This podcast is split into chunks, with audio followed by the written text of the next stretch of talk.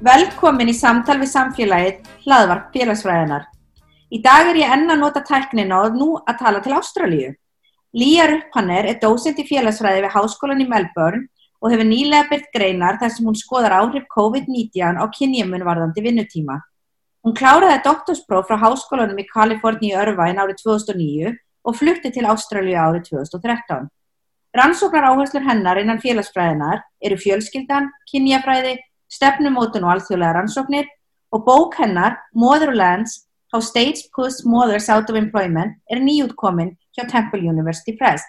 Ég skipti nú yfir á ennsku. Welcome to the podcast, Leah, and thanks for being with us. Thank you for having me. And what time is it for you now? It's almost nine here in Iceland, and I guess it's a bit more earlier for you. Well, if I want to have any North American or European friends, um, I just have to get up at six or seven in the morning. So it's 7 a.m. Well, at least we are on the same day. It's uh, Thursday, the 13th for both of us, so that's good. Because it makes life a little bit more simple, right? And you know, as we are, I mean, we like to just get right into things. And I mentioned uh, in the introduction that you just published an article looking at the gender division in work hours during COVID 19 and you know that's really what most things are about these days covid-19 so maybe we should just start if you would want to tell me a little bit about that your question what you did and what you found yeah, so I'm a family scholar and I've been looking at gender inequality in work time and housework time um, and the barriers to women accessing kind of positions of power for now 15 years. It seems a bit impossible, right? Um, and once COVID 19 hit, I, I could tell that this was going to be different than other pandemics and other recessions in its disproportionate impact on women because the types of jobs that were getting knocked out, right? Whereas in the global financial crisis, where it came for the construction industry, I could just tell that this was different, right? It was coming for tourism, it was coming for service jobs, it was coming for positions that are disproportionately worked by women. So gut feelings are good, but gut feelings don't go very far if you don't have empirical evidence. So we did two things at this moment in time. The first is that we started to collect a survey um, of Australians and Americans right at that height of the first lockdown in May to see what was happening with their housework, what was happening with their childcare, how they were feeling, or how were they sleeping, how was their anxiety. And we used that data to then follow up and um, survey them, them again in September to start to get this longitudinal understanding of what was happening for men and women's work lives. So that's one kind of piece of research, and I'll tell you just briefly from that that things aren't looking very good, right? Women are carrying more stress. And just who were the people you were talking to? Was it a nationally representative sample, or was it, yeah? Yeah, so we got about um, a thousand in each country, a little over a thousand. We used the YouGov panel, who has um, more reliable data. I mean, we could go into this, Ingrid and I could go into this for hours, but uh, you know, we were trying to get the most reliable data that we could in a quick period of time. Um, and we were finding, you know, quite interestingly and perhaps not surprisingly, that women are disadvantaged. This is co-authors at University here, the U.S. study, Andrea Carson, Shaun Ratcliff, U.S. Study Center, um, and this is kind of one piece of COVID research Women are experiencing job loss at higher rate, their sleep is restless, their anxiety is high, they're carrying more housework. Men are picking up some of the housework in the childcare too at higher rates, but um, you know, women always had a higher load previously. They're worried about their retirement. They're worried that they won't be able to, you know, be prepared for the work future. So there's a lot of anxiety going on for women. So that's one piece of research. But in addition to that, with colleagues um, in the US, we wanted to get, you know, our data is fine and, and, and is providing some insight into probably some of the feelings that women are having. But we wanted some additional data too, some more robust, kind of bigger data set, larger, um, more representative data set. So we used the most recent uh, um, the most recent wave of the census data in the US as well, looking just at the US. And what we found in that data was that women are um, reducing their work time at higher rates than men. women are experiencing higher unemployment. Their work hours are declining. And this is particularly the case for women with little kids, right? Anyone with a child under five in the home. And the other thing we found, which we found was kind of quite surprising, was we were interested in, you know, what about those couples that in theory have the ideal situation, meaning that both of them work in jobs where they can telecommute, where they can work from home.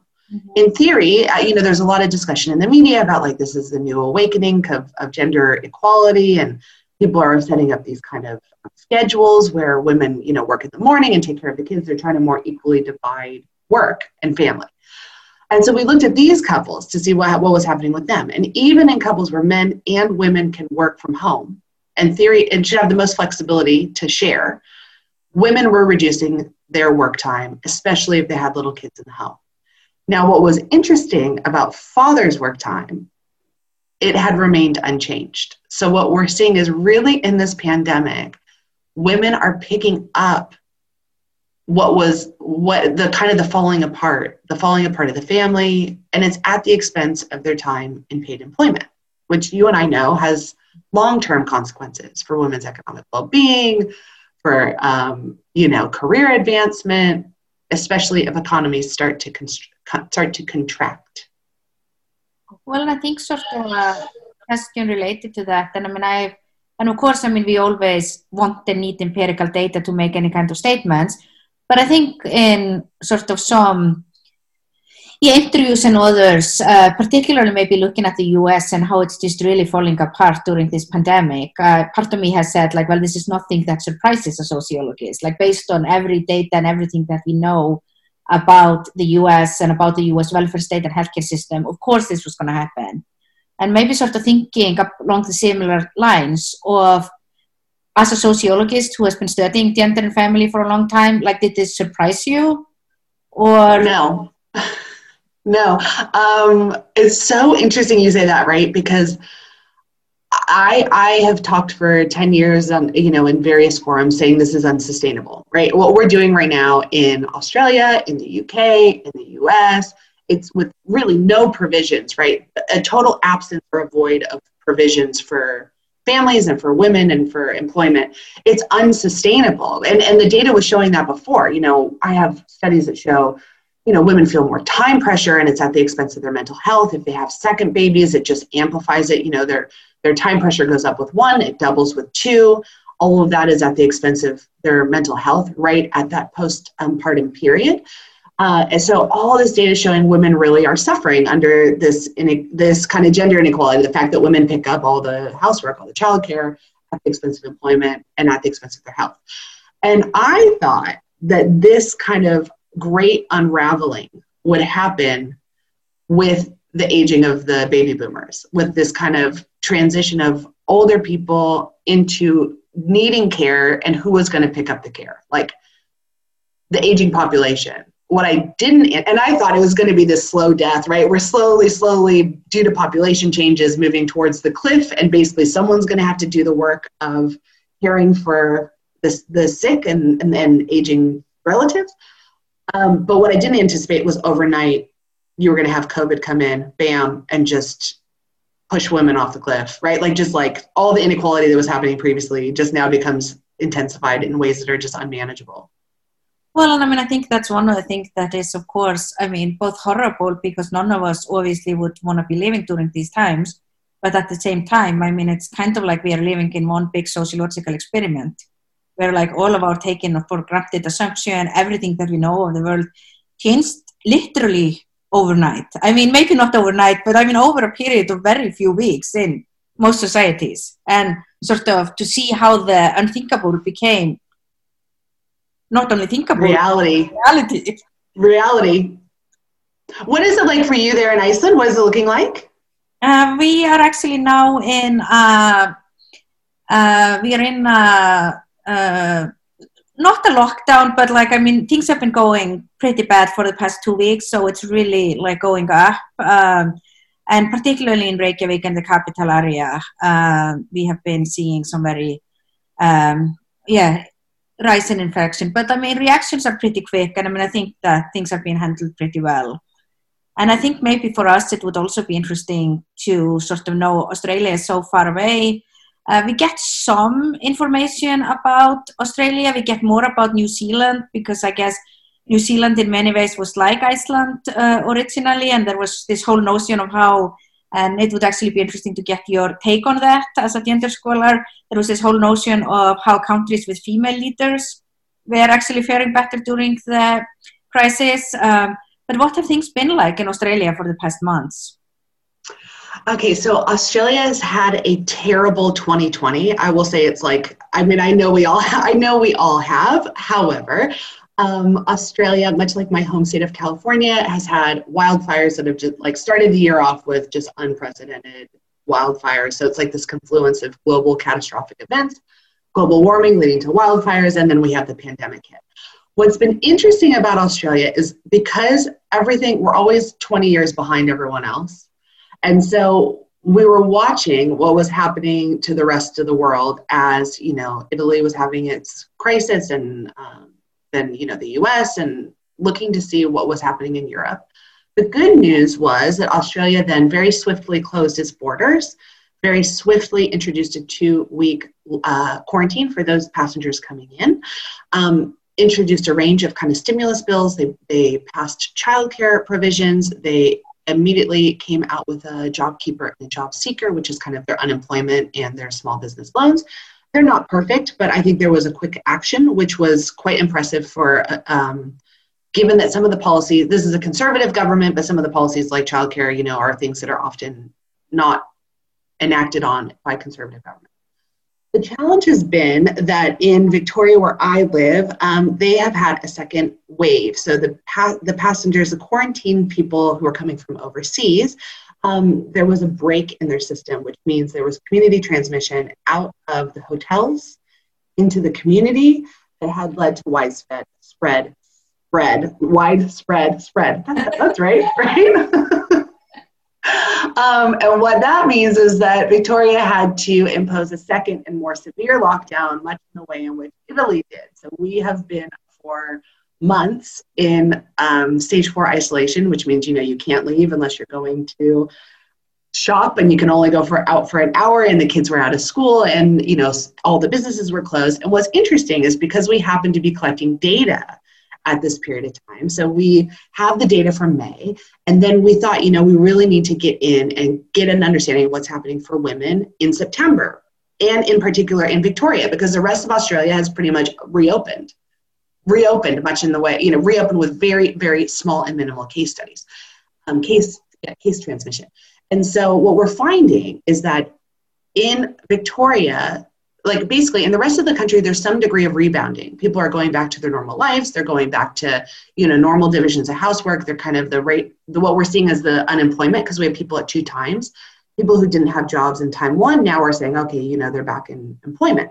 But victorians and in particular victorian women are cons- persistently disadvantaged. So so there's a question about whether this is long term right? They're saying they're out of jobs. They're saying if they own a small business that that's being disrupted they're saying their health is affected and it's um, continuous from may to september which is a really long period of time right i mean it's short in the life of covid but questionable in at what point does this just scar people at what point can you rebound like if you close your economy and then reopen uh, can you rebound or if you close it and then you keep it closed for months what, at what point do the jobs just evaporate? And that's what I think the questions are happening in the US. Mm. Is this long term scarring on the economy?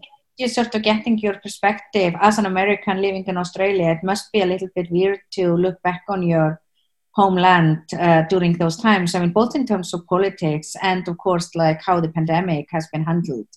What are sort of your insider outsider perspective on the states? I think what has been interesting, and I will like give full disclosure that I married a Repub. I'm a Democrat, and I married a Republican.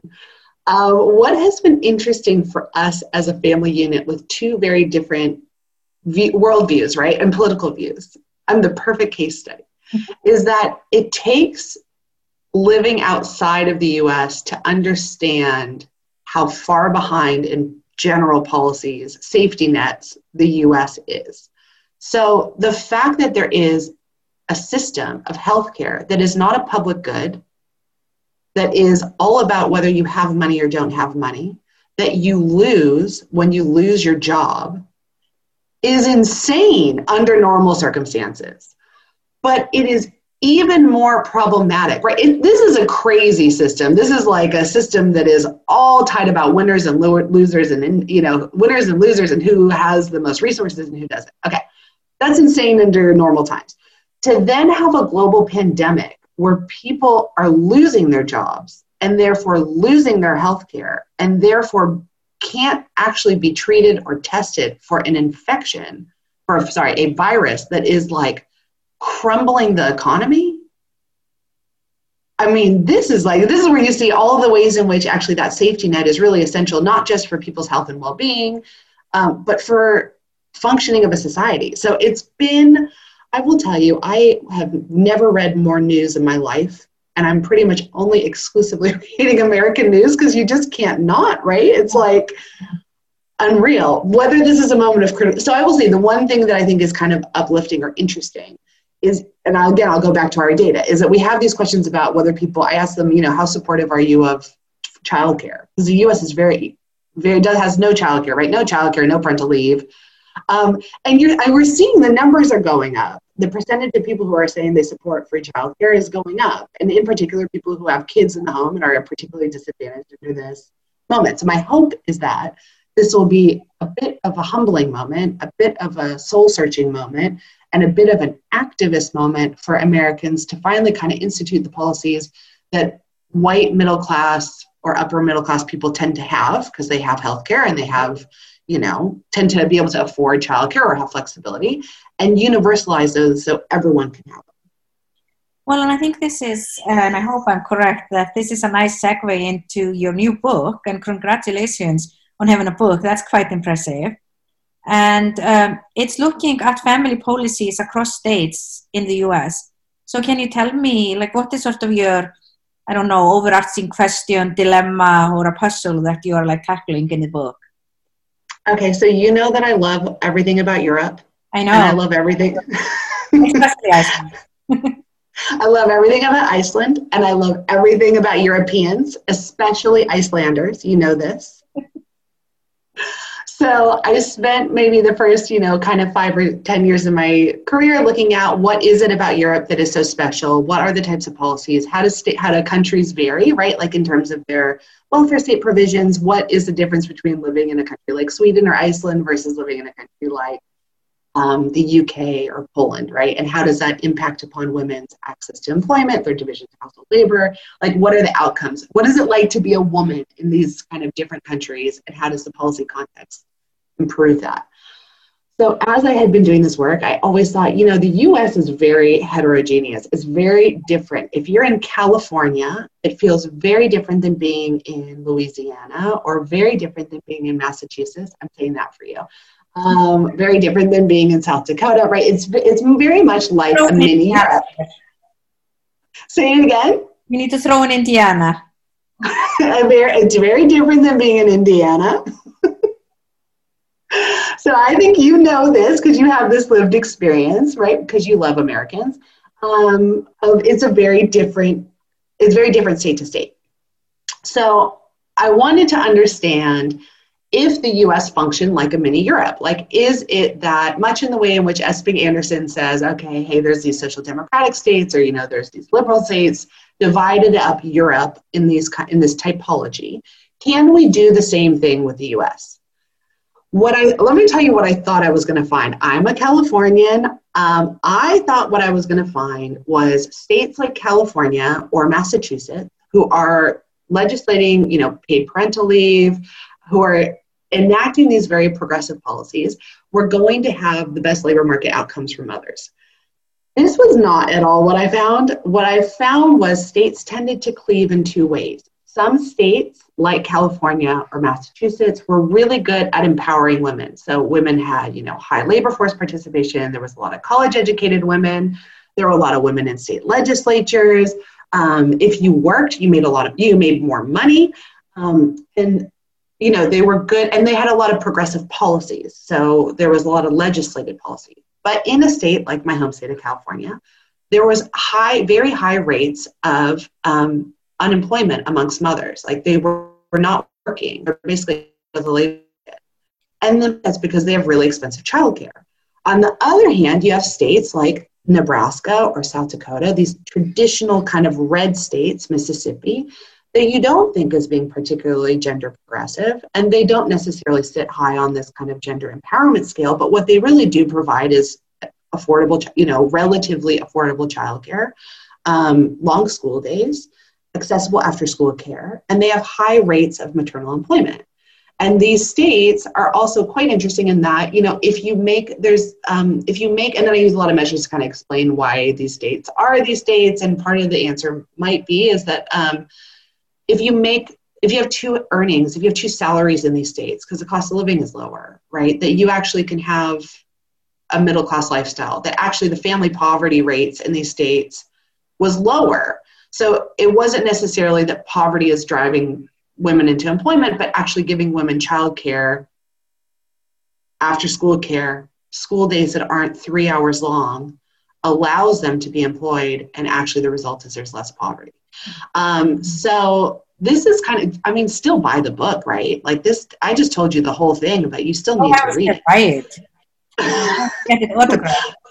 I just gave you the synopsis, but it's kind of interesting because it's a way I didn't expect it to go that way. And what we've done subsequently, you know, because we're always researchers and we throw something up and then we want to make sure that it replicates, right? So we've done some additional analyses and we've looked to see, you know, we have a piece coming out in demography where we look to see what happens if you move into a state where childcare is less expensive, from a high childcare state to a less expensive childcare state. And we find that mothers employ, you know, this kind of trailing spouses, we know they get knocked out. We find that mothers actually are much more likely to remain employed.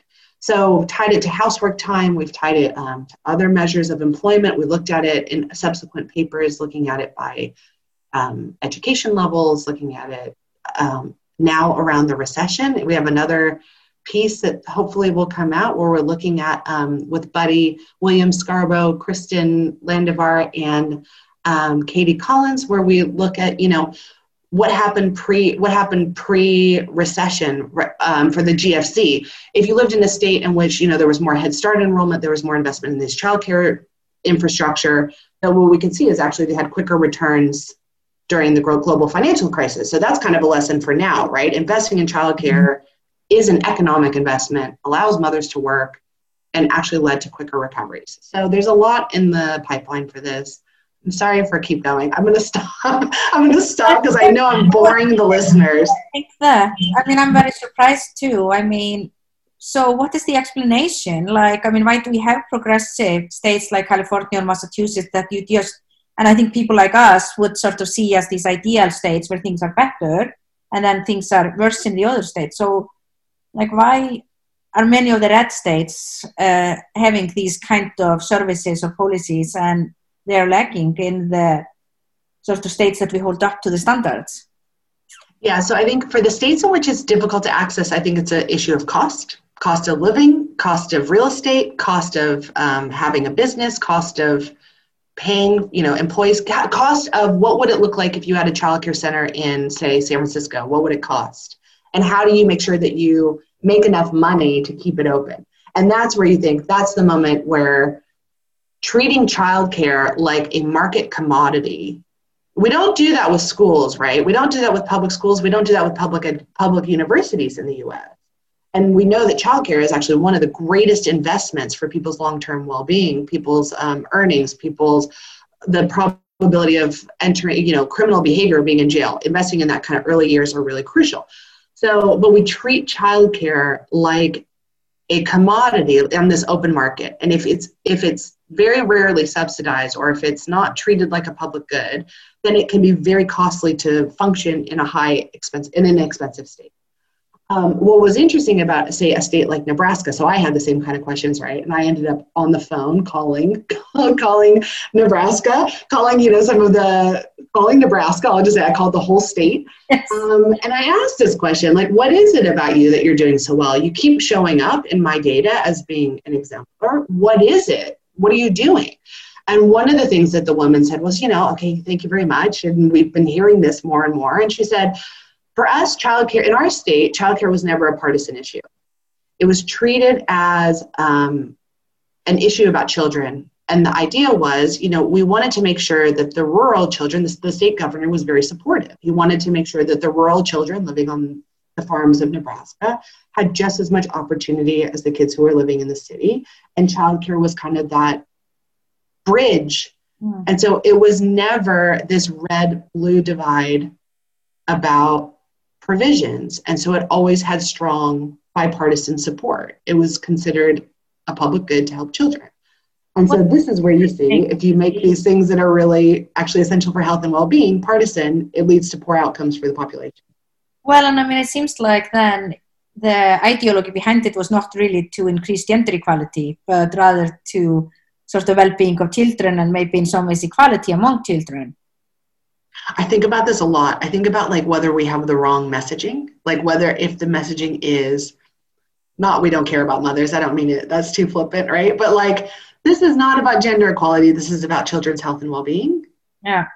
If the message would be more effective, if it's more effectively, because it then doesn't pull it into those kind of culture wars about women should be at home or you know the sanctity of mothers, and it's really about saying kids need this for their. It's good for children, right? Well, I think. What, what, does it sound like in Iceland? Like, how is this get framed? Is this not? This is not even a discussion, right? Or is it? No, I mean, I think the. I mean, the discussions here are. I mean, we think childcare here is too expensive, and of course, I mean, that's always sort of within a context. You can make that argument. Uh, I mean, when I tell people how much my friends are paying in, I mean, I had friends who were paying maybe two thousand dollars a month for childcare for one kid.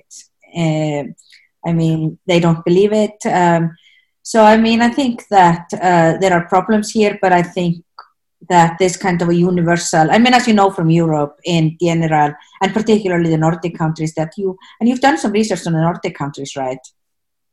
So, can you tell yeah, me yes. those?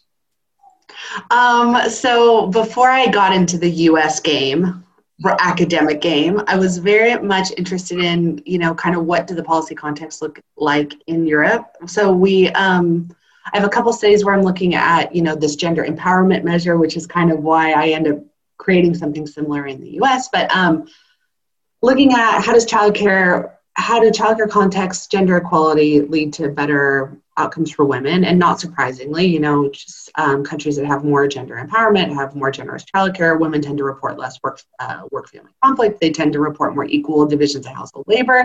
Um, they tend to report less, uh, more fairness. So there's this kind of, I've done a little bit of work on this, but I've done, one of the things that I always thought was kind of interesting is because, as I told you, I love I love uh, Scandinavians. I have some very good friends at um, Stockholm University, and we we they have really amazing data in that they can take these surveys and then link them to their national registers, right? Mm-hmm. Which is so cool. Um, and so we ran this study where we looked at Swedes and we looked at this kind of mismatch in housework reports. So and this is relevant. I'll I'll bring this back to the pandemic. I promise. Um, it'll be a full, perfect full circle. Um, so we had these things where you know you ask. They have couple level data, so they're asking the part, male partner and the female partner um, for heterosexual couples. How much housework do you do? So there's there people basically sometimes they say you know I do more, and then the male partner says she does more, and that's a match. They both agree that she does more, or they say you know we share equally, and that's a match, and that you know that's one bucket. But what we found was the couples where there was this mismatch, where she said, I do more, and he said, I do more. These couples, um, the woman, they had more conflict in their relationships. The woman was more likely to think about breaking up with that man. And when we followed them over time through the National Register, we did see that those relationships dissolve. So the interesting thing is, right now there's some data coming out about housework and childcare under the pandemic. And what it's showing is this mismatch. There was this great article in the new york times from some um, daniel carlson's research where they showed like women were basically saying they were doing it all housework childcare homeschooling. And men were also and the, and the percentage of women who were saying like oh yeah my husband does it was like it didn't even end up on the chart. It was like 0.1% right? No one was saying that. But men were saying that they were doing much more than the women thought that they were doing. Now, at first, you think, like, what the heck is going on here? This is very typical in housework research where you find that people are not very good at estimating. Everyone overestimates, but men overestimate more. But I think what our research is showing is like this kind of mismatch in perception real consequences and the consequences is what women are going to the women are not happy they're not liking that relationship and these are less stable so if we know that divorce is rising one explanation could be this kind of mismatch in what people think they're doing actually has real consequences for outcomes. So that was like not even about nordic countries but just about divorce but did you love it? I did. wasn't it great? Yeah. Wasn't it great? Pretty good. Well it was about age. Yeah yeah. Yeah. Swedes. we love Swedes.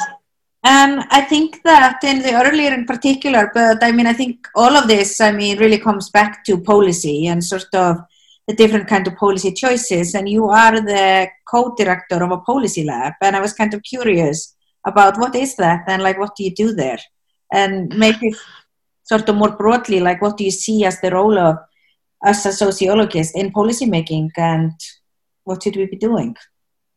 Well, we're trying to figure out what we're doing at the policy. No, the policy lab is an interdisciplinary unit at the University of Melbourne, and we're very much interested in bringing this empirical evidence to policy makers, to policy decisions, and taking our brains, which are you know, very powerful and very smart as academics, right? But sometimes we're not very good at communicating our information very widely. This will shock everyone in the everyone in the room. Um, that trying to actually take what we do best, but make it translatable and make it digestible and make it understandable to policymakers. Um, in addition to that, being, I mean, sociology in particular and political science too. I don't. I think um, now's the moment, right? Like you can't understate the value of what we do. This is the moment where what we do, as you said, like all these predictions we had about inequality will do this, or you know, it deteriorates society, or racial inequality, and racial strife. I mean, you're seeing it all all around the world, right? And at this moment in time, so I think we have a really impressive toolkit to help explain what's going on for policymakers. I think the value of sociology in particular is that we tend to take a holistic approach. So we are looking kind of at societies more generally. We're looking at systems. We're interested in the ways in which institutions function. And that allows for a, a better understanding of okay, if you're going to move this lever or you're going to kind of push right here, have you thought about how it's going to occur over here? We're, I think we're very good at taking the macro and seeing the interconnections between individuals, institutions, governments, and policies. And I think that can be really valuable when to understand unintended consequences, perhaps having a better understanding of what the unintended consequences would be. Um, and I think my fear is we'll have this pandemic, we'll have the impending recession, we'll change the way we're changing the way we think, we're changing the way we work, and it'll all disappear and we'll go back to normal. Normal, quote unquote. Um, and I think that would be a lost opportunity. As a sociologist, what I hope is we're having this moment of kind of restructuring and we'll rethink the ways in which our policies did work or didn't work, some of the assumptions we have underneath the policies that are out there that may have disadvantaged certain groups, women, minorities, immigrants, um, and now understand a bit. I think we have a bit more of a holistic understanding that we're all connected together, we're all in this together, and all of us need supports as a community and a society, um, and that policies need to actually match that. Mm-hmm. What yeah. do you think? Yeah, no, I think it's kind of interesting. And I mean, I think we've sort of, and I think very much in the first wave in Iceland, there was this notion of we are all in this together uh, and sort of fighting this together. And that has been very much the discourse, including of the politician. But I think that's another way that sociology really is powerful in showing us, like, no, we are not all in this together. And I mean, I think it's important when you come from a perspective like, I mean, particularly like the US with like the lack of safety net, where like there are people who are just completely unpredicted, unprotected from any kind of things that may happen. Uh, but when you think about societies that are supposedly equal, like the Nordic countries, uh, and yes, I mean, we do have a lot of sort of uh, we are in this together, we are fighting this, we have a lot of protection. But I mean, we still see this inequality. And what is happening to people? And I mean, we were here, for instance, um, and like I mean, right now we are all supposed to be more or less working at home. We are supposed to try to go like as little as possible as we can. And whether you're at, at like you know a home with a family of five in a two-bedroom apartment or in a large house, I mean that's not the same thing. How many? I mean everything is now online and electronic. Like how many computers and iPads are there in the yeah. house? Uh, so yeah. it's also like really showing us this that even in equal societies, and even when we have those things, inequality still is a profound feature of all societies. And I think in any cases, like a pandemic, and I mean, I think this is something that we could never have envisioned. I mean, I think in our wildest dreams, and not that I would have been having that kind yeah. of, it's weird to say it like that, but I think you know, if I had been asked a year ago, think about like the most unthinkable thing that you could think a society could look like in a year. I would never have thought of COVID. I mean, my mind would never have gone. Yeah. Where we are now. Yeah. yes. I have a friend who studied the 1918 flu. Yeah. He's an epidemiologist. He was um, at UC is at UC Irvine, Andrew Noymer, and I think about him all the time, right? Because he kept saying, you know, we're up for a new pandemic, we're up for a new pandemic. And it's like just, I think for epidemiologists, right, it's like just a matter of time. Yeah. If it's not the swine flu, it's the bird flu. If it's, you know, it was inevitability. But God, we weren't prepared, right? I mean, we had no idea. No, no, I think that, like, no, not how it would just transform our entire society. Yeah. Do you think that in Iceland the gender the digital divide, are you saying the digital divide is the thing that is like the most kind of obvious that what do you see as the biggest kind of shock or insight about the pandemic in your country?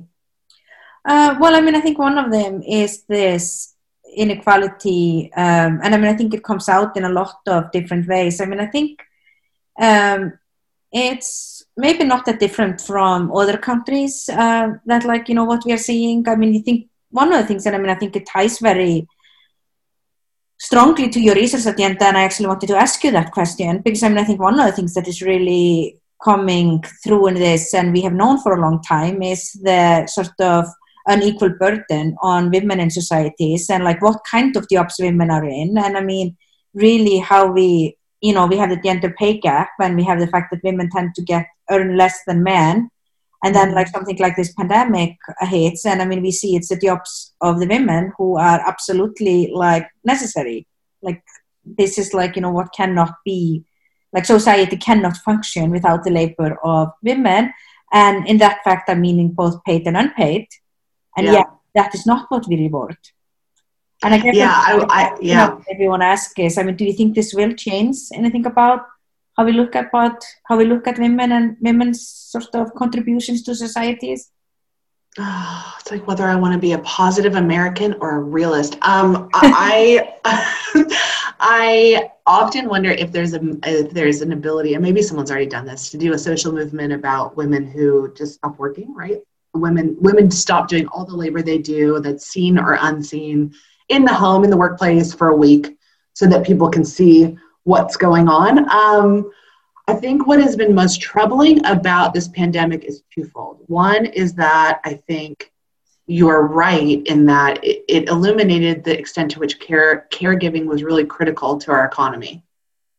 Caregiving was really critical to our lives. And like this is the type of work that women typically do. They do it in aged care, they do it in hospitals, they do it in childcare centers, they do it in schools.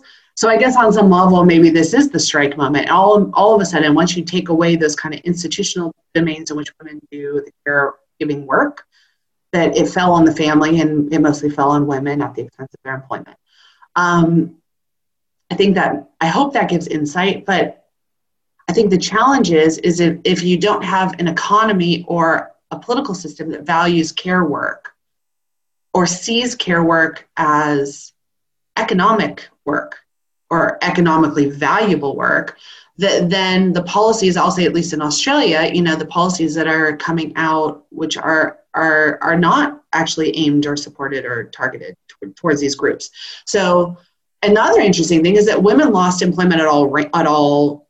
Women lost employment within all types of jobs. I mean, this came out of the U.S. statistics and stuff, but yes, they were more likely to lose jobs in kind of the caregiving areas, you know, service, tourism, all the areas that we know were hardest hit. But even within industries that are not female dominated, women were much more likely to lose their jobs there too.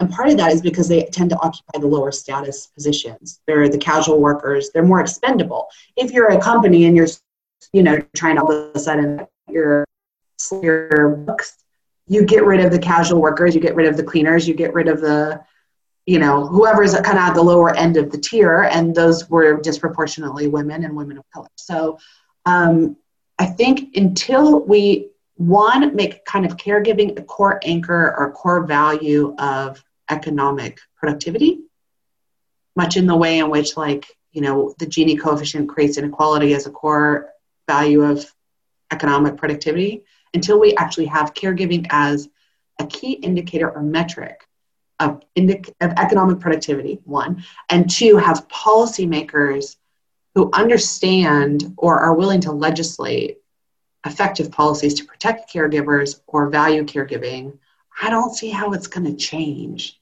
Because you're still working within the institutions, right? Or employers, right? Like you're still working in the institutions. Well, and I completely agree, but I also want to sort of push this a little bit further because I mean, I think this all makes perfect sense but like how can we do this? Like how would we get those kind of policy makers or how can we? I mean we've now been you know living in these societies for thousands and thousands of years and i mean i think we can sort of all agree that caregiving has always mattered. And uh, whether it's done within families or as we're increasingly seeing that women are doing it and i mean increasingly men are doing it too obviously both within families and in institutions yeah. Okay. Sorry. So I always say this too. Well, one, one. Um, and is maybe COVID nineteen enough to get us to?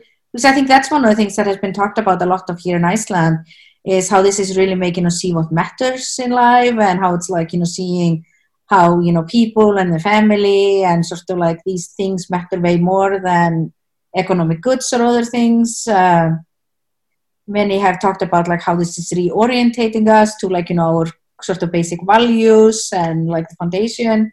Like do you think this like will covid-19 be enough to shift our perspective in this way? I think it depends how long it continues. Oh forever. I know it feels like forever. So i think if it keeps going i think it's an empirical question and it's an empirical question that sociologists are uniquely positioned to answer. Um, I, I, I think we don't know. I think it might in some ways and it might in other ways. It's like we got to follow through the data.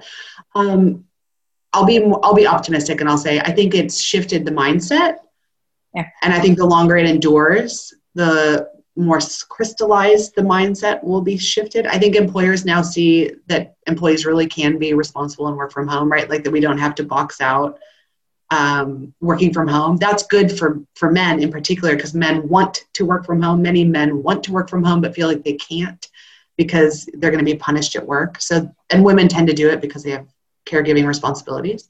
Um, so I think that could actually really be a moment to help and solidify. Um, that's my child asking for her computer. Well, Just yeah. for the listeners. this is how we are leaving our research at the same time as we are conducting our research. Oh, but I work, yeah. So I think, and if institutions change, but I think, so I think there is some value, like, right. And I think there is potential. I think when you asked, how do we do it? It's, it's, um, I think it's getting more women into positions of power. I think it's getting more women into, you know, parliaments or state governments, into CEO positions, into positions where they really can be the decision makers. Um, and I also wanted to say, because I talk about this stuff a lot, that this is in no way a gender war. This is not about women versus men. This is not about men failing or, um, you know, I think a lot of time men feel attacked by this kind of discussion. And I just want to be clear that actually men are suffering under this too. They want to be caregivers. They're stepping in to do more housework. They're stepping in to do more childcare.